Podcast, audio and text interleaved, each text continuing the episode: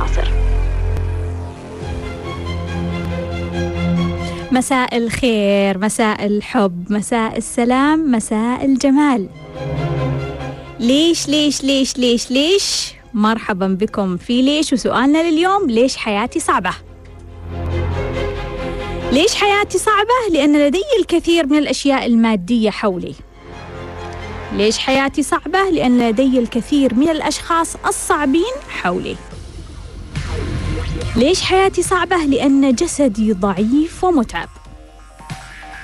حياتي صعبة لأني مريض. حياتي صعبة لأني أفتقد لمهارات جسدية مهمة. حياتي صعبة لأني أعتقد أن الحياة الصعبة أهم وأثرى وأعمق وأجمل. حياتي صعبة لأني أعتقد أن الحياة الصعبة هي مصيري وحظي في هذه الحياة. حياتي صعبة لأني أعتقد أن حياة النجاح والتفوق صعبة. لأني أفتقد لمهارات فكرية مهمة تسهل الحياة. ليش حياتي صعبة؟ لأني أشعر بالعار من نفسي ومن كل شيء حولي. لأني حزين ومكتئب. لأني خائف من أن أجعلها سهلة. لأني أشعر بأن الحياة السهلة للناس التافهة. حياتي صعبة لأني أعيش في فوضى من المشاعر السلبية. حياتي صعبة لأن حولي أشخاص غاضبين مني ويتحكمون فيني. حياتي صعبة لأني أفتقد لمهارات مشاعرية مهمة تسهل الحياة. لأن عندي الكثير من الأهداف والوقت لا يكفي. حياتي صعبة لأن طاقتي ضعيفة. حياتي صعبة لأني معاقب على ذنب أو على كارما ترتد علي. حياتي صعبة لأني أحب الحياة الصعبة والمعقدة. حياتي صعبة لأن روحي تحتاج إلى مزيد من الألم حتى تفهم. كم شخص صعب ومعقد في حياتك؟ كم شخص صعب ومعقد في حياتك؟ واحد اثنين ثلاثة عشرة ليش ليش ليش ليش ليش ما زلت تحتفظ فيهم؟ ليش متمسك فيهم؟ الشخص المعقد راح ينقل لك حياة التعقيد تخلص منه الآن حياتي أصعب ولا حياتك أصعب لا لا لا حياتي أصعب لا لا لا فلان حياته أصعب مين حياته أصعب من الثاني هل سبق أنك حضرت مجلس يتشاكون فيه الناس. كل واحد يقول لا إحنا في الدوام والله وضعنا أصعب. لا إحنا في المكان الفلاني والله وضعنا أصعب. كلنا حياتنا صعبة أو سهلة بنفس الدرجة.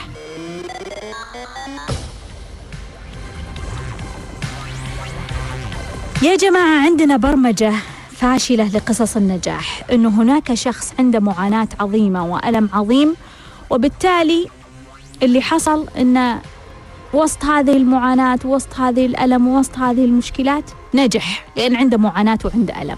وإحنا تورطنا بهذه القصة. كل شخص لديه حياة جيدة تورط بافتراض فرضية أنه هو لازم يعيش حياة صعبة ومعقدة عشان ينجح. ليش؟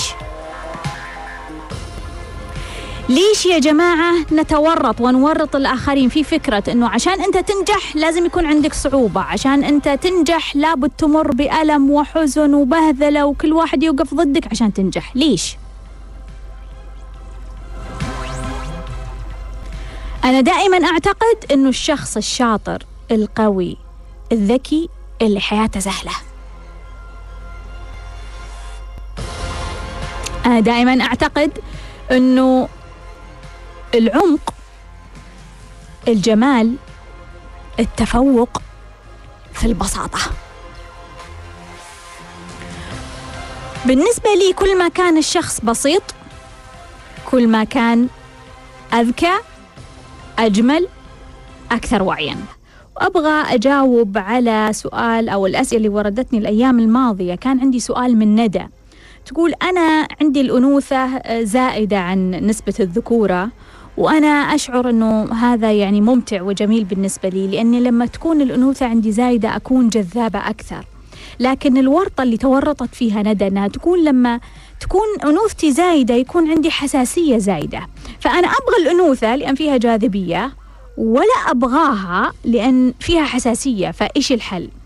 ندى خليني أقول لك. إحنا أرواح ما لها جنس.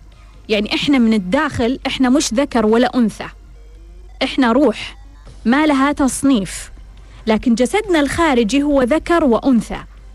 وهنا تجي الربكة أنه إلى أي درجة هذا الجسد راح يسوي لك فلتر. إلى أي درجة أنه أنت في كل موضوع تفكر تفكر من زاوية الأنثى أو من زاوية الذكر. لذلك من الشطارة أنه إحنا نكون نجمع ما بين سمات الذكورة والأنوثة. وخصوصا السمات الجيدة في الأنوثة والسمات الجيدة في الذكورة. لما نلقى مثلا رجل هو روح ليست ذكر ولا أنثى لكن من الخارج هو رجل لما يأخذ صفات الذكورة بتطرف تقريبا هو ما يقدر يعيش. تقريبا هو راح يحارب الجميع راح ينافس الجميع راح يقاتل الجميع راح يكون غاضب طوال الوقت راح يدمر الجميع. فبالنهاية الذكورة هذه راح تضره. لذلك من المهم أن يكون عنده جزء من الأنوثة عشان يعدل هذا التطرف. نفس الشيء إحنا كإناث نحتاج أن نرفع مستوى الذكورة عندنا عشان نعدل المشكلات اللي موجودة في الأنثى.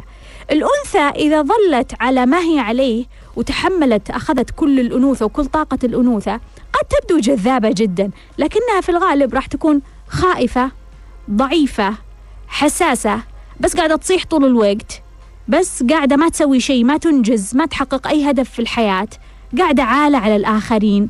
لذلك على كل أنثى أنها ترفع نسبة الذكورة عندها عشان تكون إنسانة فاعلة في الحياة عشان تتجنب كل السلبيات اللي تأتي فيها الأنوثة ومن أبرز سلبيات الأنوثة الحساسية. أنه تزعل على كل شيء وتزعل على الشاردة والواردة وتقعد تصيح وتكون عالة وخائفة كل هذه الأشياء. فندى أحب أقول لك ستظلين جذابة ما دمت أنثى ستظلين جذابة والرجل سيظل جذاب. كل جنس هو جذاب للطرف الآخر. لن تنقص جاذبيتك إذا أنت عدلتي نقاط ضعفك في الأنوثة بنقاط قوة من الذكورة. لذلك أرجع وأقول الشطارة أنه إحنا نتذكر دائما أن أرواحنا ليست ذكر ولا أنثى ولكن إحنا نحمل جسد ذكر أو أنثى ونستطيع تعديل نقاط ضعفنا بنقاط قوة الطرف الآخر. فإذا كنت أنثى راح أعدل نقاط ضعفي بنقاط قوة الذكر وإذا كنت ذكر راح أعدل نقاط الضعف اللي عندي من خلال الاستفادة من نقاط قوة الأنثى. تهاني كانت تقول إنه هي عندها أم مضحيه من وقتها ويعني تعطي لأولادها كثير وهي تقول يعني أنا أزعل عليها يعني كثير تعطي كثير تعطي ونست نفسها مع الوقت. فتقول أزعل عليها وأقول لها خلاص اهتمي بنفسك ركزي على نفسك بس هي ما تس ما تسمعني. يعني مو قاعدة تسمع لي يعني وهي زعلانة تهاني تقول يعني وش اللي قاعد يصير؟ يعني كيف أخليها يعني تهتم بنفسها؟ في نفس الوقت تسأل تهاني تقول إنه عندها أب كانوا على علاقة سيئة من يوم كانوا أطفال وكان يبدو يعني غير جيد في تربيته معهم. الآن انتبه الأب انتبه والحمد لله أنه هو انتبه وقاعد يحاول يتواصل معهم بالنسخة الجديدة والطريقة الجديدة. تقول لك أنا ما ما قدرت يعني أتقبل نسخة الجديدة وأنا يعني أتذكر يعني كل الماضي هذا واللخبطة اللي سواها والمشاكل اللي سواها. يعني الآن جاي يعني يعدل الماضي. وفي نفس الوقت هاي تقول إنه أنا عندي وظيفة وأخاف من علاقات الشغل أخاف إني أسوي علاقات ويعني يكون في أخطاء في هذه العلاقات. تهاني. أنا أشعر أنك أنت في مرحلة حرجة. وصلتي لزاوية كل دوائر حياتك تقول لك عندك رسالة.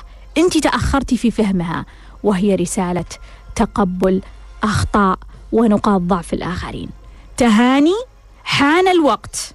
الآن أنك تستوعبين هذه الرسالة. أمك عندها نقطة ضعف إنها هي تعطي أكثر مما تأخذ. أبوك عنده نقطة ضعف وهو قاعد يعدلها الآن إنه هو كان قاسي كان كان. أيضا كل الأشخاص اللي راح تتعرفين عليهم في الدوام أحب أبشرك وأقول لك وأخليك تستعدين إنه عندهم أخطاء وراح يسوون مشاكل وكل شخص راح يسوي مشاكل تتعرفين عليه وكل شخص راح تختلفين معاه تتعرفين عليه في الحياة كل شخص في الحياة راح تتعرفين عليه بتختلفين معاه. أمك أبوك زوجك زوجتك خالك عمك خالتك هاي طبيعة الحياة. إحنا مخنا مش واحد إحنا بيننا وبين الشخص الآخر فلاتر. مو مشكلة إنه نختلف مو مشكلة إنه نختلف. المشكلة إن إحنا ما نقدر نتجاوز خلافاتنا وهذا جمال الحياة وروعة الحياة إنه الحياة لعبة إنه إحنا يعني نجرب الخلاف ونعدل ونبدل ونطور من أنفسنا ثم الطرف الآخر يتطور وهكذا. فتهاني عندك رسالة خطيرة تقول لك تقبلي الآخرين بأخطائهم بنقاط ضعفهم بماضيهم السيء. أماني تقول إنها سوت بعض التنظيفات وبعدين عندها مشاكل صحية مشاكل في الهضم ويعني كان عندها عزيمة قبل لكن الآن عزيمتها أضعف وإنها هي تاكل أكل مو صحي لدرجة إنها مرات تقول لك يعني تكون جدا كسولة فتقول لك آكل أكل صحي يعني يمكن يبغى لها تروح للمطبخ وتطبخ وتجتهد وتسوي أشياء. وتقول لك إيش؟ خلاص خلني آكل أكل مو صحي ما دام الموضوع الصحي يعني طويل وعريض و... فهي تقول إنه أنا عارفة إنه أنا لازم أتعب بس متى أرجع زي أول؟ متى أرجع مشاعريا زي أول؟ متى تتعدل حياتي زي أول؟ أماني أحب أقول لك اني إنه أنت في فوضى يعني فوضى بديعة فوضى خلاقة يعني لازم ترتبين بعض الأمور. كلمة عارفة إنه لازم أتعب هذه غلط مش صحيح. مش صحيح. إحنا نقدر نتغير بهدوء نقدر نتغير بدون ألم نقدر نتغير بدون تعب. أنا بالنسبة لي أفكر على كلامك. إذا كنت جوعانة بروح بفتح الثلاجة بلقى قدامي مثلا خيارة باكلها. هذه سهلة. بالنسبة لي الأكل الغير صحي هو الأصعب. الأكل الصحي هو اللي يعني ممكن تخبصين شيء على شيء وتحطين ما أدري إيش على ما أدري إيش. صعب معقد. الأكل المش صحي صعب معقد. الأكل الصحي سهل جدا. سهل ومتوفر في الثلاجة. ليش إحنا ركبنا الموضوع إنه الأكل الغير صحي هو أسهل؟ عشان عندك شوكليت مثلا بتاكلينها في لحظة نفس الشيء. الثلاجة فيها شيء صحي وجاهز وسهل. الموضوع من الداخل. الموضوع كله من الداخل يا أماني. أنا أعتقد إنه انت تحملين عدد من المعتقدات الخاطئة اللي خلت حياتك صعبة على موضوعنا اليوم ومعقدة. وهذه الأشياء أقنعتك أنه الحياة صعبة معقدة يحتاج لها وقت لما تترتب يحتاج لها وقت لما آه، نعيد آه، تصحيحها يحتاج لها قصة ويحتاج لها تتلخبط مشاعرنا. لا مش بالضرورة. وكثير من الأحيان إحنا لما نقوم بعدد من التنظيفات الداخلية للمشاعر والأفكار إحنا ما نشعر بلخبطة مشاعر. بعض الأشخاص يشعرون بلخبطة مشاعر إذا كان تغيير كبير إذا كانت القفزة كبيرة. بس إذا كنا نمشي بهدوء ممكن ما نحس بهاللخبطة الكبيرة. ممكن نحس أنه إحنا تهنا. لأن نشعر أنه إحنا فقدنا نسختنا القديمة وهذا هو عمق الموضوع اللي أنت ضايعة فيه أماني. لما تقولين لي متى ترجع مشاعري مثل الأول ما راح ترجع مثل الأول ما راح ترجع مثل الأول أنا عملت ديتوكس لجسمي ونظفت جسمي من السموم وبعدها ما عدت آكل سكر. ما عدت آكل سكر ابدا. متى برجع مثل الأول؟ ما راح أرجع مثل الأول لاني أصلا أنا ما عاد أتحمل السكر. ما عاد أتحمل السكر ما عاد أقدر آكل السكر. ما عاد أتقبل شاي بسكر ولا قهوة بسكر ولا مشروب بسكر ولا أكل بسكر. بالتالي دائما طلبك إنه متى أرجع الأول هذا شوق للنسخة القديمة. النسخة اللي مش صالحة للحياة. النسخة التعبانة اللي ورطتك وسوت لك مشاكل يا أماني. stop أنك أنت تطلبين أنك ترجعين للنسخة القديمة. لابد يكون عندك استعداد كافي ومعتقد يقول لك أنه النسخة الجديدة مختلفة عن النسخة القديمة وأنا راح أتقبلها وراح أرتبها وأعدلها. وإذا كنت محتارة كيف تعدلينها عندنا استراتيجيات لما بعد التنظيف. تابعي على يوتيوب عندي عندي مقطع اسمه مصفوفة القيم راح يساعد كثير. كان عندنا أحمد وقصة طويلة جدا مليئة بالحزن والألم والمعاناة. أحمد عمره أربعين سنة.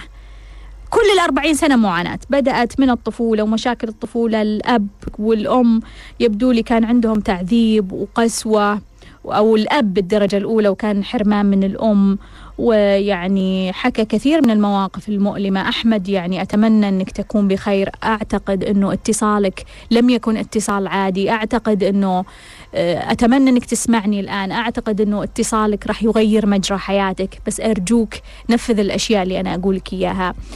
استمريت أنت منبوذ لسنين طويلة غير مقبول من المجموعة أو من الجروب اللي أنت فيه اللي هم أهلك.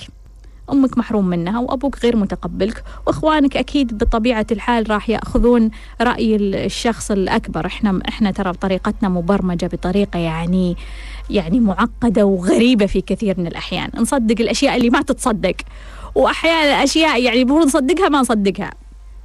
فاللي صار لك مؤلم قاسي كثير من الفلاتر والمعتقدات والصناديق والبرمجة اللي صار لك ولكثير من الأشخاص يمكن يسمعوني أنه لما إحنا ما تتقبلنا العائلة لما ما يتقبلنا الجروب اللي إحنا فيه لما ما تتقبلنا المجموعة اللي إحنا فيها في الغالب إحنا نقاتل عشان المجموعة تتقبلنا. لما تكون في الدوام ومجموعة ترفضك.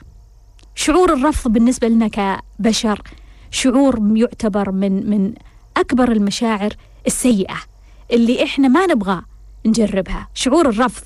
فما بالك لو المجموعة كلها ترفضك. عائلتك كلها ترفضك. أو العائلة الكبيرة يمكن كلها ترفض أو مجتمعك كله يرفضك. أو مثلا في بيئة العمل كلهم يرفضونك. إيش تتوقع ردة فعلك؟ ردة فعل الإنسان راح يقاتل عشان يرضيهم عشان يرضيهم عشان يحاول يرضيهم. اللي صار معاك يا أحمد أنه أنت طلعت من group العائلة اللي أنت مش متقبل فيها دخلت على group جديد اللي هو بيتك زوجتك. وأنت الآن لما شوية تطور عندك الوعي من مستوى أنك أنت مستسلم عند أبوك لأنه هو الأقوى إلى مستوى أنه أنا أحاول أنهم يتقبلوني. صارت مع زوجتك. بالتالي حصل لك كل الإذلال وحصل لك كل السلوكيات اللي صارت. وكل شخص يحاول ويستنزف طاقته ويتوسل لل group أنهم يقبلونه. أحب أقول لك لن يقبلونك. لن يقبلونك. لا تحاول لا تستجدي لا تشحت. لا تشحت مشاعر لا تشحت أفكار لا تشحت فلوس. ال group اللي رفضك سيظل يرفضك. لا تشحت. لا تستنى هذا ال group ينتظرك. ارمهم ورا ظهرك وامش. هذا ال group تعبان. هذا ال group ما استطاع إنه يعطيك جزء من طاقة الحب. واحد بالمية من طاقة الحب. هذا ال group لا يستحقك. لا يستحق وقتك. لا يستحق طاقتك. لا يستحق اهتمامك. لا يستحق انتباهك. أنت روح طيبة. تستحق حياة طيبة. أنت تستحق الحب. لا تضيع وقتك في group لا يتقبلك. ارمهم. مهما كان هذا ال group. مهما كان هذا ال group لا تحط مبررات. ما في أحد يستحق أنك تحط له مبررات. مهما كان هذا الشخص ما في مبرر يسمح له أنه يرفضك. ما في مبرر يسمح له أنه يتعامل معك بهذه الطريقة. الرفض غير مقبول. في أحد يرفضك؟ ارمهم وراك. توقف عن استجداء القبول من أي group. group أبوك group أمك group خالتك group عمك group الزملاء group زوجتك group زوجك. اللي ما يتقبلك خلاص. هو ما يستطيع أن يتقبل مهما قدمت من تنازلات. stop stop تنازلات يا أحمد. أنا أعتقد يا أحمد أن الموضوع بدأ من الطفولة لذلك أنت تحتاج أنك ترجع لهذه الطفولة وتصححها. تحتاج تنظيف لمرحلة الطفولة. تحتاج أنك ترجع لجذر الطفولة وأعتقد أني طلعته عندك اللي هو عدم التقبل. أنت تشعر بعدم التقبل طوال الوقت فتحتاج أنك تنظف هذا الشيء. طلعه تفهمه تتفاهم معاه تخليه على مستوى وعي أعلى حتى تتخلص منه. أنصحك يا أحمد أنك تروح عندي على اليوتيوب اكتب سمية الناصر التنظيف راح تتفاجأ من الأشياء اللي راح تطلع منك. أنت تستطيع يا أحمد. لا تخلي نفسك. اتصالك ما كان صدفة وما كان عشوائي وما كان عبث. إذا ما في أحد يتقبلك إحنا كلنا نتقبلك. ليش ليش ليش ليش حياتي صعبة؟ يا جماعة في ناس يحبون التعقيد. عندهم فن الحياة التعقيد التعقيد أصبح فن. تدرون ولا لا؟ تدرون ولا لا إنه التعقيد أصبح فن؟ يعني يشوفون إنه جمال التعقيد. يعني مثلا تقعد الآن على طاولة في يعني مكان جدا راقي وفخم يحطون لك ثلاث شوك وثلاث سكاكين. متخيلين وين وصلنا؟ تقول والله يمكن هذه الشوكة لها مهمة يمكن هذه يعني طريقتها غير. لا. تلقاهم صفتهم كلهم نفس الشكل بس اللهم حجم يختلف ثلاث أحجام مختلفة. والسكاكين نفس الشكل بس ثلاثة أحجام مختلفة. تعقيد ناس تعتقد أن الجمال معقد بينما الجمال بسيط وسهل. كثير من الأشخاص يعتقدون أنه ما راح يكون جميل إلا لما يشتري براند غالي وكذا يحس أنه أوه الآن أصبح يعني في جمال. لا لا لا لا, لا يا جماعة. تلقى لك ما شاء الله أشوف بعض البنات يعني تأخذ لها 200 ريال والله تلبس لبس يعني ما تلبسها اللي, بلابسها يعني يمكن بخمسين ألف تشوفها كذا لابسة لابسة على بعضها ولا مئة ألف.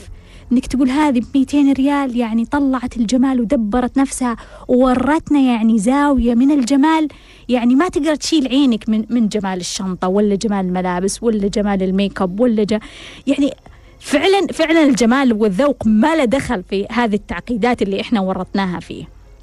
على فكرة كثير من الأثرياء هم يكسبون المال يحاولون يسهلون حياتهم. يحاولون إنه هذا المال يسهل حياتهم، لكن المفاجأة إنه مع الوقت تكون الحياة معقدة لأنه أنت ثري. وهذا شيء خطير. وهذا شيء خطير. وأنا عايشته وقاعدة أقاوم لأنه أعرف أن هذا شيء خطير.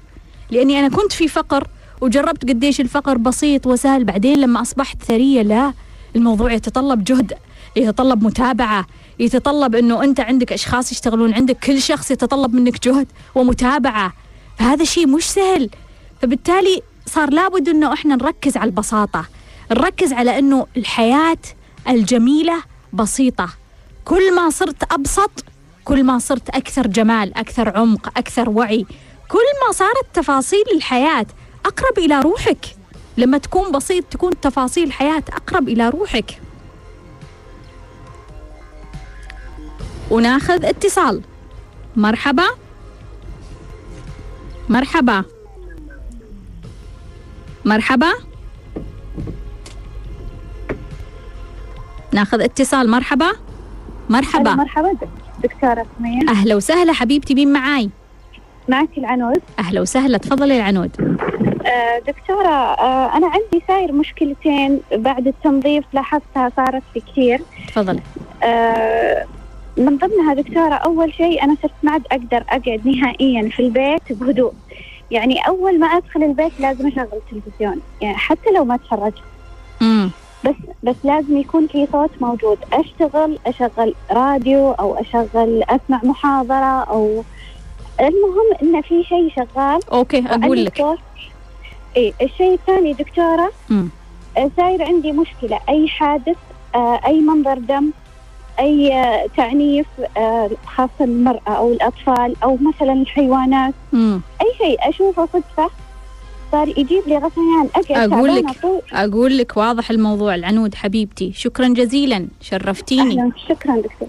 أو ناخذ اتصال. مرحبا. مرحبا. مرحبا.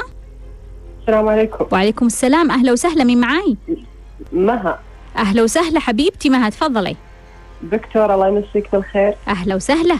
أنا أنا تقريبا كلمتك من قبل وأستنير منك كثير. يا حبيبتي. في الله يكرمك. في موضوع أبغى آه، أبغى يعني تضوينا عليه شوية. إيه، في سمع. ناس امم في ناس كثير كثير جدا اواجه كثير حولي أشخاص عندهم قناعة إن إحنا صعبه حياتنا لأن حتى لو طمحنا بشيء أو استهدفنا آه، هدف معين لتحسين الحياة ما تستوي دائما يعني لابد خايفين من جانب يسوء. فمثلا بعض الناس ممكن إنه يسعى لوظيفة وشغل أو آه، بزنس أو أي شيء بس إنه خايف إنها تدهور صحته. من وجهة نظر إنها ما تستوي، يعني كأنه إحنا ما إحنا قادرين نحسن جوانب حياتنا بشكل كبير يعني، فهمتي علي؟ مو مرة. يعني قصدك مثلا إذا أنا حصلت وظيفة لازم في شيء يخرب. الناس عندهم إنها ما تستوي الحياة، ما ما مم. تقدر تضبط الحياة من كل جانب، عندهم هذه الفكرة. بعض الناس أو أكثر الناس. إي. أنا أنا أواجه هذا الشيء في, في الناس اللي تتكلم معي. امم فكيف يعني؟ كيف ليه إن الإنسان عنده هذا الصورة عنده هذا التصور؟ أوكي. ما يستطيع إنه يضبط جانب لو عنده شك في إن جانب ما يكمل. لا يعني حتخترب الحياة من جهة ثانية. فيقول خليني زي ما أنا لا تغيرني. إي. خليني زي ما أنا أنا كذا مستقر. امم أقول لك هذا هو. حبيبتي مها شرفتيني. يا هلا وسهلا. وناخذ اتصال. مرحبا. مرحبا. مرحبا معك ندى. أهلا وسهلا ندى حبيبتي تفضلي. آه ليش حياتي صعبة؟ الصراحة أنا ماني عارفة ليش. أي. يعني حياتي مليانة عندي صعوبات يعني عندي أعاني من من الفقر من البطالة ما تزوجت بس بعرف كيف أخترت هذه الخيارات. انت كلمتيني قبل يا ندى؟ أيوة. عن الأنوثة؟ أيوة. لأن أنوثتك مرتفعة. أيوة. صدمتك؟ أيوة والله. طيب خليني بعطيك تفاصيل أكثر بعد. أيوة بعرف كيف الطفل الداخلي إذا إذا قفز يعني كيف أتصرف إذا إيش؟ الطفل الداخلي إذا قفز إذا قفز الطفل الداخلي أقول لك حبيبتي. طيب أتمنى تفتحي دورات التنظيف يا دكتور. موجود الآن موجود عندنا الخوف والغضب والحزن والتأنيب والثقة بالنفس كلها موجودة على الموقع وعندنا الآن الدورة المجانية قانون الجذب. أيوة سجلت في قانون الجد حبيبتي شرفتيني. جدا رائع دكتور. يا حبيبتي شكرا جزيلا. شكرا. الله يحفظك. مرحبا. السلام عليكم. وعليكم السلام أهلا وسهلا من معاي؟ آه، زينب مساء الحب مساء الخير والسلام يا حبيبتي. والبساطة. يا حبيبتي والبساطة. أيوة البساطة. تفضلي يا زينب. يزيد فضلك يا ربي. آه، أسئلتي دكتورة بخصوص سنة أولى بزنس وأهداف ذهبية. إذا تسمحي لي. يلا. ينفع أتكلم الحين؟ تفضلي. آه آه بسألك دكتورة أنا أنت تقولين دائما نحاول نبسط الموضوع قد ما نقدر نبتدي بخطوات بسيطة. صح. طيب هل المفروض أن أنا من بدايتها يكون عندي موقع؟ موقع رسمي ل يعني المشروعي لفكرتي؟ تقدرين ولا ما تقدرين؟ آه أنا ما أعرف له صراحة. إيه. ممكن أستعين بشخص متخصص يعني. عندك فلوس و- كافية؟ آه أنا لا يعني مدخرة مبلغ حق آه، بداية المشروع يعني. بس مو ما يعني في بالي أن الموقع هو ضروري يكون من البداية ولا هذا كخطوة بعدين في التوسع. طيب أقول لك أقول لك. عندي أسئلة بعد ثانية إذا في تفضلي. واللوجو بالنسبة للوجو الشعار. يعني. من البداية لازم أكون أنا حاطته يعني عشان إذا صار مشهور يكون هذا هو ولا يعني عادي هذا بعدين يعني أخليه طيب أجله بعدين مم. و آه وإيش تقصدين بأن الهوية هي اللي تبيع إيه يعني لما قلتي عن الآيفون وكذا آه، الهوية إن يفوق التوقعات وكذا فإيش إيش المقصد؟ يعني هل كل مشروع لابد له هوية؟ يعني. ماني ما فهمت هذه النقطة طيب أقول لك و يعني أنا حاطه في بالي دكتور أبي أبدأ بأسرع وقت. إيه. ينفع كذا ولا هذا حماس زايد عن اللزوم ولا لا؟ عادي أسرع بس أبسط أو أسهل. ما في أسهل. مشكلة. أيوه. إيه. أسهل. إيه, شاء خلاص. الله. حبيبتي زينب. شرفتيني. ما قصرت. ناخذ اتصال. مرحبا. مرحبا. ألو. أهلا وسهلا. آه، دكتورة سمية؟ تفضلي مين معاي؟ آه، معك مرام أهلا وسهلا حبيبتي مرام تفضلي. هو أنا بس عندي استفسار سريع يعني عشان ما أطول عليكم. يلا. أنا آه، في شغلي. آه، مثلا عارفة من زمان إنه أنا ما أحب يعني شغلي ولا أبغى أكمل فيه وأحس إن أنا عندي كثير يعني آم، أشياء أقدر أسويها بس آه، في نفس الوقت عندي خوف. مرات يعني تجيني مثلا يجيني إحساس إنه أصلا أنت ما عندك يعني شيء مهم, أو شيء كويس يعني يستاهل يعني إنك أنت تتركين شغلك. ومع إنه كثير ناس بتقول لي لا أنت عندك آه، شيء مرة مميز وأنت يونيك وأشياء كثيرة يعني. ف that's all. طيب. شكرا. حبيبتي أقول لك يا مرام. ناخذ اتصال مرحبا. مرحبا. السلام عليكم. وعليكم السلام مين معاي؟ مرحبا دكتورة معك زمزم. زمزم أهلا وسهلا يا زمزم يا هلا فيك كيف حبيبتي حالك؟ بخير وعافية سمي. تفضلي دكتورة أنا موظفة لي خمس سنين مم. في وظيفة حكومية ومرتاحة مم. بس للأسف هالشهر آخر شهر لي بحكم القوانين وهالسوالف يعني مم. فسمعتك أمس تقولين لهديل إنه خليك مستعدة أو قبل أمس خليك مستعدة إنه في شيء حلو جاي أو شيء زي كذا مم. فأنا عندي إحساس حلو بس مم. في نفس الوقت فيني قلق. وماني عارفة وين بروح وإيش اللي بيصير مم. هذا السؤال الأول السؤال الثاني مع العلم إني مو سعودية طبعا مم. السؤال الثاني أنا أهلي كلهم برا مهاجرين مم. فمحتارة بين الهجرة ولا إني أستنى يعني مم. هو يمنعك من الهجرة؟ الصحيح؟ آه القرار إني أتخذ القرار مم. وغير كذا يعني مو سهل إني أنا آخذ تأشيرات بحكم جنسيتي يعني آه يعني في عوائق مو الموضوع آه. بس اختيار في عوائق صح في عوائق بس إني لو أخذتها أحس إني راح أكون يعني محتارة إني أروح ولا أقعد يعني حتى لو العوائق مو موجودة تظلين محتارة شوية يعني نقطة مو مرة مم. لأن أهلي هناك يعني عرفتي؟ مم. قيمة بس أنا العائلة موجودة موجودة هنا في طبعاً. في قيمك ولا لا؟ إي إي موجودة في قيمي العائلة أصلا موجودة. طلعت أول واحدة أول موجودة في قيمة القيم. أوف إي والله مم. طيب طيب إيش إيش ثاني قيمة عندك؟ آه العائلة وش بعد طلعت لي لا إله إلا الله والله نسيت بس إنه حتى تفاجأت إنها طلعت لي أول واحدة لأنه كنت أحسب إنه قيمة المال هي حتكون من يعني بتكون تقريبا. المال صح؟ إيه ثانية طيب المال. أقول لك يا زمزم حبيبتي الله شرفتيني شكرا شكرا جزيلا تفضل. ناخذ اتصال مرحبا ألو مرحبا أهلا دكتورة كيف حالك؟ حبيبتي مين معاي؟ آه معك فاطمة اللي كلمتك قبل كم يوم. يا حبيبتي يا فاطمة أهلا وسهلا. ممتنة كثير على ردك مره مرة صراحة مرة ريحني الرد. ممتاز. آه دكتورة أنا بسالك آه عندي كم سؤال. يلا. أنا في مرحلة انفصال عن زوجي. مم. لما رحت أرفع قضية فسخ نكاح مم. ما كان عندي أي مشاعر. أي. مشاعر حزن أو فرح. يعني كذا رايحة كأني أطلع أي بطاقة رايحة كذا كأني أي موعد. مم. ف يعني أبغى أعرف إيش مشاعري هذه. أه، والشيء الثاني إني أحس إن داخلي مرهق يعني فيني تعب فيني إرهاق أم، ما أدري إيش السبب هل هم مثلا متحمل مسؤولية أو ما أعرف إيش مم. من متى ب- بدأ هذا الشعور؟ من زمان مم. يعني دائما أحس إني مرهقة تعبانة داخلي. كذا فيني تعب داخلي انت تابعتي معنا عندي- أمس حقت الكسل؟ لا. مم. بسمعها إن شاء الله اليوم. أكيد هي بتنزل على البودكاست قريب فتابعيها ممكن تفيدك.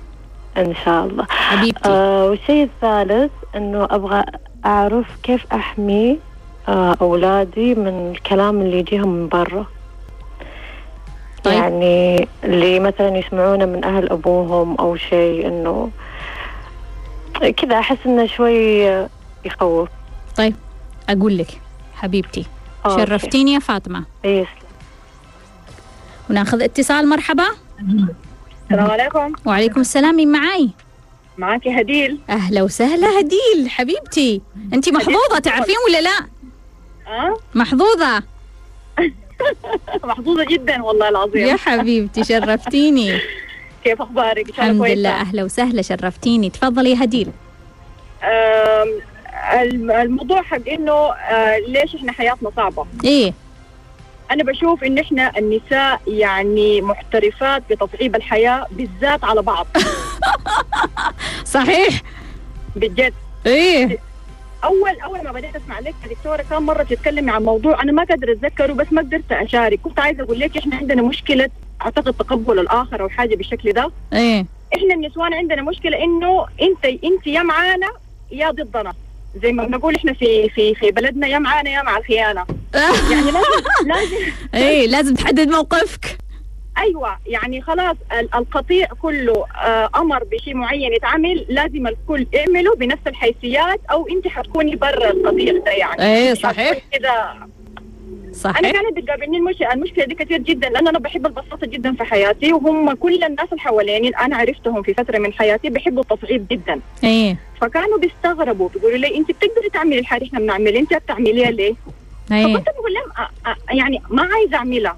المهم في الآخر لقيت إنه آه انتقاء الناس اللي حواليني يريحني كثير جدا ويبسط لي حياتي.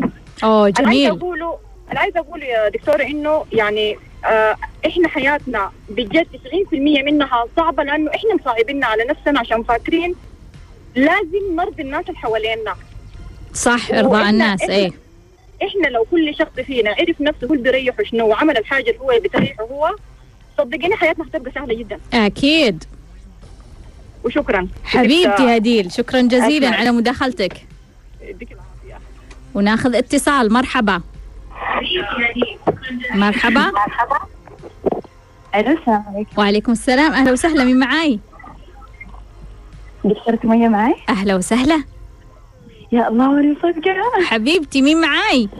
آه، معك إيمان. أهلا وسهلا يا إيمان. شرفتيني. لك أمس آه، وأنا في تويتر وقلت أبي أكلمك. والحمد لله شبك معي أوه اشتغل الموضوع. صح. اشتغل صح. يلا تفضلي. طيب شوفي دكتورة سمية أنا مشكلتي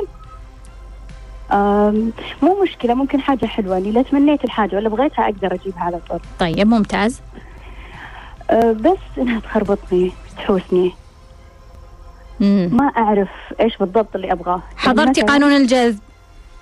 لا بس دورة الطلاق. قانون الجذب الآن مجانا على الموقع لازم تحضرينها. انت انت بالضبط لازم تحضرينها عشان تفهمين الفكرة. أوكي. المشكلة أن تجيني رسائل من كل مكان. يعني مثلا أم، أنا حاليا أدرس دراسات عليا مم. وكنت أحلم كذا إني أصير دكتورة أحلم إني أصير أستاذة في الجامعة أحلم بأشياء زي كذا وفعليا صايرة تصير معي يعني مم. صايرة تضبط معي صايرين يخدموني القادات اللي موجودين في الجامعة مثلا مم. يكونوا قياديين يدفعوني للامام بشتى الطرق أي مم. حاجة أبغاها ألقاهم هم يخلوني أبرز غصبا عني يعني مم. آه، فما أدري عندي مش مشاكل كذا مع زوجي عندي مشاكل مع أهلي مم. طيب آه، يظهرون لي كذا ناس آه، يساعدوني ويختفون. آه لدرجة إنه حتى يعني ممكن تصير آه، مثل آه، دكاترة يبغوني كان حلم حياتي أتزوج دكتور بس ما توقعت إنه راح يطلبوني وأنا متزوجة. أو إنهم آه، يعني وكذا شخص مو واحد ولا اثنين كذا شخص. يعني جت النية يعني- متأخر بعد الزواج. مرة متأخر يعني بعدين زوجي أحبه يعني بس ما أدري كيف. أموري قاعدة تتخربط قاعدين يسحبوني في جهة ألقى نفسي حايسة. أنا عندي طفل بعد. إيه. و طيب إيمان ما أقول. أقول لك على هالحوسة هذه كلها أقول لك إياها أختصرها لك. مرة. حبيبتي. شرفتيني شكرا جزيلا. مع السلامة. باي. كان معايا العنود تقول إنها يعني سوت بعض التنظيفات وبعدين تغيرت طريقة تفكيرها وشعورها. من أبرز الأشياء اللي لاحظتها بعد ما سوت التنظيفات تقول لك ما أقدر أقعد نهائيا في البيت إلا لازم أفتح صوت. أفتح التلفزيون في الخلفية أفتح كذا موسيقى. تقول ما أقدر أقعد أسوي شيء لازم لازم في صوت. تقول لك أصبح عندي لما يعني يصير يصير حادث أشوف دم يعني يصير عندي ارتباك تحس إنها يعني متلخبطة في في مشكلة. ال- اللي حصل يا العنود بكل بساطة إنه أنت تنظفتي وبرافو برافو برافو إنه أنت تطورتي وبرافو برافو برافو إنه أنت أصبحتي نسخة جديدة. شوفي يا العنود أبغى أقول لك تحذير وتنبيه وحطيه باللون الأحمر عندك. كثير من الناس لما يتطورون يتراجعون لأنهم ما يتقبلون نسختهم الجديدة. في الغالب يا العنود أنت كنتي في مرحلة حزن في مرحلة عار في مرحلة تأنيب في مرحلة يعني في مرحلة متدنية من الوعي. الآن أنت صرتي على الخوف. الآن أنت صرتي على مرحلة الخوف. يعني بإمكانك أيضا آه، تسمعين أكثر عن مرحلة الخوف على سلم هاوكنز. شوفي بس على اليوتيوب اكتبي سمية الناصر سلم هاوكنز مرحلة الخوف وراح تسمعين كيف يعني أنت تغيرتي ووصلتي لهذه المرحلة؟ هذا يعتبر تطور. يعني مثلا خلينا نقول لك في كثير من الأحيان الأشخاص يعتقدون إنهم لما يسوون تنظيف راح آه، يصلون لحالة حب وسلام. لا لا ما تصير. ما تصير إنه أنت تنتقل من الألف إلى الياء. ما تصير ابدا ابدا في أي مكان في الحياة ما تصير. ما تصير إنه أنت تنتقل من الألف إلى الياء. ما تصير إنه أنت تدخل أولى ابتدائي ومن بكرة تتخرج من ثالث ثانوي. ما كنت صارت. أبدا ما كنت صارت مهما كنت عبقري شاطر ذكي سووا لك اختبارات يقدرون يقفزونك آه، ثلاث مراحل. يقدرون يقفزونك مرحلتين. يعني يمكن أربع أربع سنوات يقفزونك بس ما في أحد يعني ما في أحد دخل أولى ابتدائي وبعدين تخرج ثالث ثانوي السنة الجاية. ما في. فبالتالي ما تصير ما تصير. واللي يطلب هذه القفزة هو يطلب المستحيل. هو إنسان عنده لخبطة كثيرة في معتقداته تجاه الحياة. هو عنده مشكلة في فهم وتصور الواقع في مفاهيم الحياة. الحياة كلها متدرجة ما في أشياء كذا قفزات فجأة يصير شيء. ما في شيء صار فجأة ما في شيء صار فجأة. كل شيء له أسباب ومقدمات. بالتالي اللي صار العنود أنه أنت نظفتي حققتي المهمة نجحتي في المهمة. نسختك الجديدة تعلمي كيف تتعاملين معها. أو قومي بعمل تنظيف آخر راح تحصلين على قفزة أخرى. راح تحصلين على وعي آخر راح تحصلين على نسخة جديدة راح تحصلين على مستوى جديد آخر. اللي أنصحك فيه الآن أنك أنت تتعاملين مع كل حدث بنفسه بمعنى أنه ما أقدر أقعد في البيت لحالي أحتاج صوت أوكي ما في مشكلة افتحي صوت. مو أول أنت يمكن كنتي في الحزن ولا في التأنيب ما في خوف ترى الحزين أصلا يبغى السكون والهدوء وما يبغى إزعاج وما يبغى أصوات فهذا بالنسبة لك جديد. فأنا أقولك تعاملي مع الموقف بشكل طبيعي. افهمي نفسك الآن افهمي المرحلة اللي أنت فيها. تعلمي كيف تتعاملي معها. العنود انتبهي أنك ترجعين ورا. انتبهي أنت أنت قطعتي شوط جدا ممتاز. قطعتي يعني أنت تطورتي. عقلك تطور مشاعرك تطورت إدراكك تطور. أنا أقول لك مبروك هذا التطور. لا تخافين لا ترتبكين وتطوري أكثر. أنت تستحقين حياة متطورة أكثر. مها تقول إنه في ناس عندهم قناعة إنه الحياة صعبة ولو استهدفنا شيء إلا ما يكون في شيء سيء.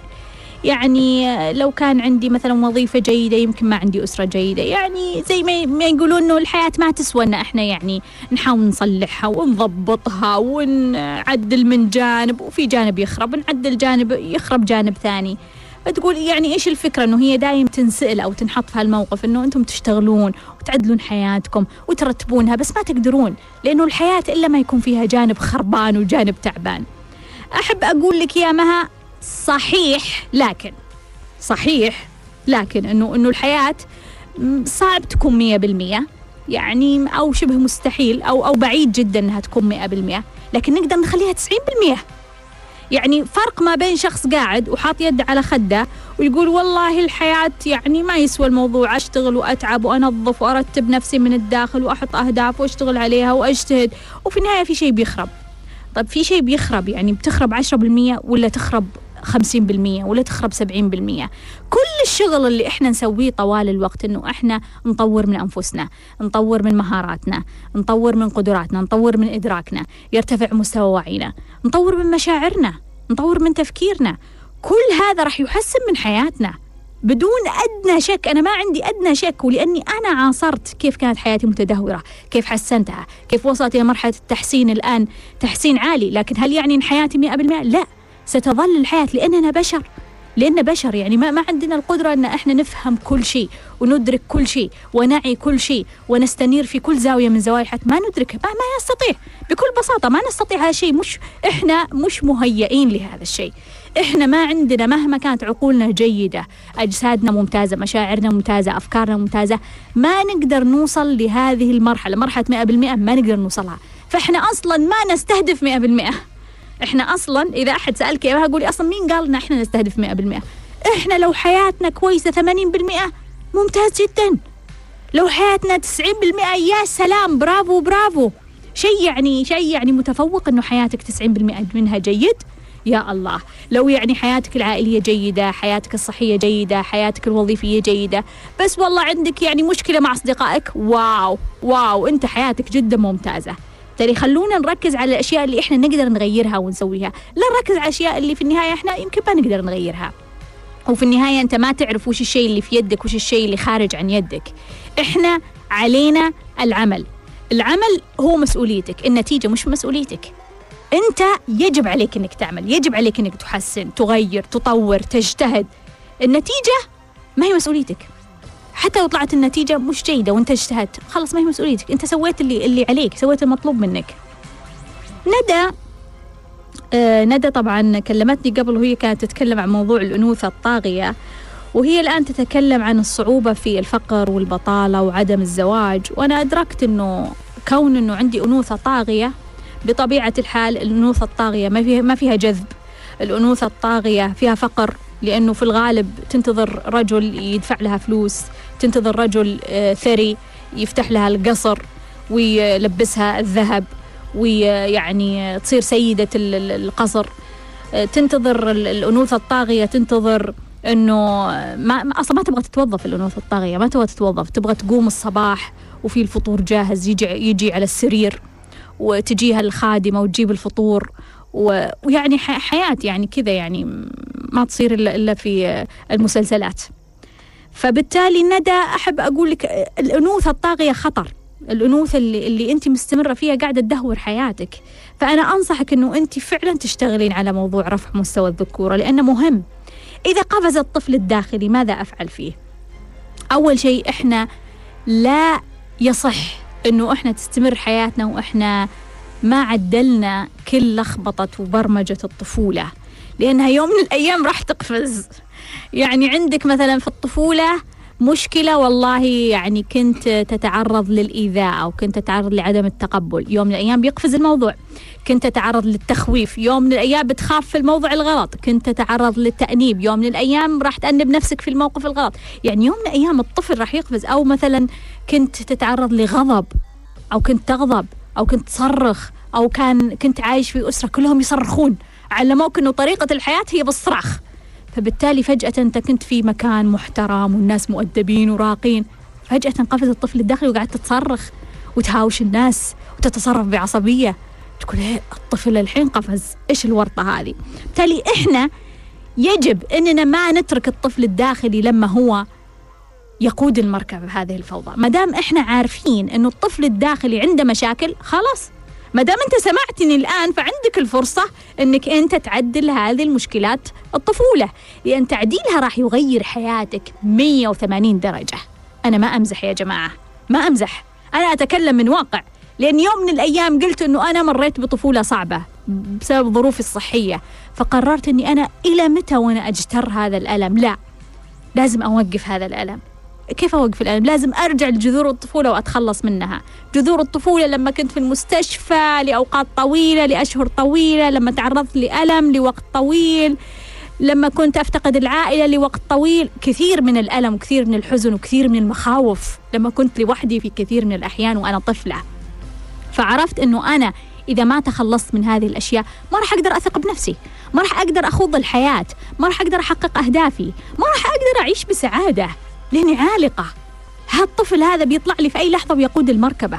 هالطفل هذا راح هو هو مسؤول عن كل قراراتي وسلوكياتي وأنا ما أدري وأنا ما أدري. على فكرة كل قراراتنا إذا إحنا ما نظفنا ولا طل- طلعنا وعمقنا وأخذنا جذر الطفولة وتخلصنا من كل قراراتنا هي من الطفولة. كل قراراتك أنت طفل. كل قراراتك اللي قاعد تتخذها في الحياة الآن هي قرارات ذلك الطفل. تخيل؟ كل قراراتك الآن تحسب نفسك إنسان ناضج وكبير وفاهم وعاقل. لا لا لا لا لا لا لا, لا. الطفل هو اللي ياخذ هذه القرارات. في اللحظة اللي تقرر أنك تخلص هذا الطفل من كل المشكلات العاقل الكبير الواعي هو اللي راح يقود المركبة. لذلك أقول لك يا ندى لا تنتظرين لما يقفز الطفل لكن إذا صارت حالة طارئة وقفز الطفل إحنا نقدر نسوي برمجة جديدة لهذا الطفل عبارة عن يمكن صوت يمكن لون يمكن حركة. يعني مثلا خلينا نقول على سبيل المثال بس عشان أساعدك أنك أنت تفترضين فرضيات لنفسك ولازم تكون شيء مناسب لك. مثلا لما يطلع الطفل على السطح هو اللي يقود تصرخين تقولين ستوب بصوت عالي. أو مثلا آه، تشوفين لون معين لون أحمر مثلا. أو مثلا تستخدمين تقرصين نفسك أو أو تصفقين بصوت عالي مثلا أو تطلعين تصفرين بصوت عالي بحيث إنه يلفت انتباه العقل اللاواعي إنه ستوب وين انت رايح؟ وين انت ماسك المركبة؟ وين ناوي توديني؟ لأنه قرارات الطفل الصغير هذا ممكن توديك في 60 داهية. زينب آه، بدأت بمشروعها وأخبار جميلة بعد ما حضرت قفزة 2019 تقول هل الموقع ضروري أو لا؟ وهل الشعار ضروري أو لا؟ آه، أكيد أكيد الشعار ما في ما في يعني شيء يبدأ بدون شعار. الموقع على حسب أنت يا زينب أبغاك تدرسين ال- الوضع من خلال مين عملائك؟ عملائك هم اللي في الشارع ولا هم اللي في أونلاين؟ بالتالي يختلف أنت كيف كيف ناوية تبيعين؟ وهل ممكن تبيعين من خلال الأماكن المجانية ولا محتاجة أنك تسوين لك موقع؟ أنا أعتقد دائما أنه إذا كنا نملك مبلغ بسيط يمكن الموقع نقدر يقدر يساعدنا أنه إحنا نمشي ال business أكثر. تقول أنه قلتي أنه الهوية هي اللي تبيع. صحيح الهوية ترجع لقيم المشروع. يعني كيف أنا أعرف آه، زينب خلينا نقول مشروعك قد يكون مثلا fashion. كيف أنا هوية مشروعك هو موجود في في ذاكرتي؟ إيش الصورة الذهنية لمشروعك؟ لما أنا أتذكر مشروع زينب يظهر في ذهني إيش؟ إيش اللي إيش الصورة الذهنية اللي تطلع في راسي؟ مثل لما أتذكر مثلا نوكيا يطلع في ذهني صورة معينة. لما أتذكر مثلا ماركة معينة يطلع في ذهني فيرزاتشي يطلع في ذهني صورة معينة يطلع اللون الذهبي. أنا أنا شخصيا لما أقول فيرزاتشي يطلع اللون الذهبي في رأسي. أكيد إنهم هم مشتغلين على هذا الموضوع لما وصلوني لهذه ال- الفكرة. اللي في ذهنك يمكن يختلف عن اللي في ذهني بس في النهاية هم اللي صنعوا هذه الهوية وهي قيم المشروع. إنه هل قيمة المشروع الجمال؟ هل قيمة المشروع الثقة؟ هل قيمة المشروع الجودة؟ لابد نحطها في أذهان الآخرين. مرام تقول أنا أشتغل في شغل ما أحبه وما أبغى أكمل فيه وعندي أشياء أقدر أسويها لكني لكني هل وهي تسألني يعني إذا هي تترك الشغل وتروح تسوي هذه الأشياء. مرام إذا كان فعلا الأشياء اللي أنت تقدرين تسوينها تقدرين تسوينها سويها. سويها الآن. لا تنتظرين لما تتوقفين تستقيلين إذا سويتيها الآن معناها أنت جاهزة أنك تستقيلين. زمزم خمس سنوات وظيفة حكومية عندها إحساس جميل. كانت مبسوطة بس عندها إحساس حلو الآن لأنه آه، في قرارات أنها هي تطلع برا هذه الوظيفة لكن في نفس الوقت في قلق. أهلها برا فتسألني هل أهاجر؟ قيمتك الأولى يا زمزم الأولى هي العائلة وت- وتشكين في موضوع الهجرة بدون تردد. بدون تردد اليوم قبل بكرة آه، يعني وفري كل السبل وكسري كل الفلاتر عشان توصلين. أتمنى أنكم تكونون استفدتوا واستمتعتوا معنا في ليش لليوم. وتذكروا الدنيا خضرة حلوة. إلى اللقاء.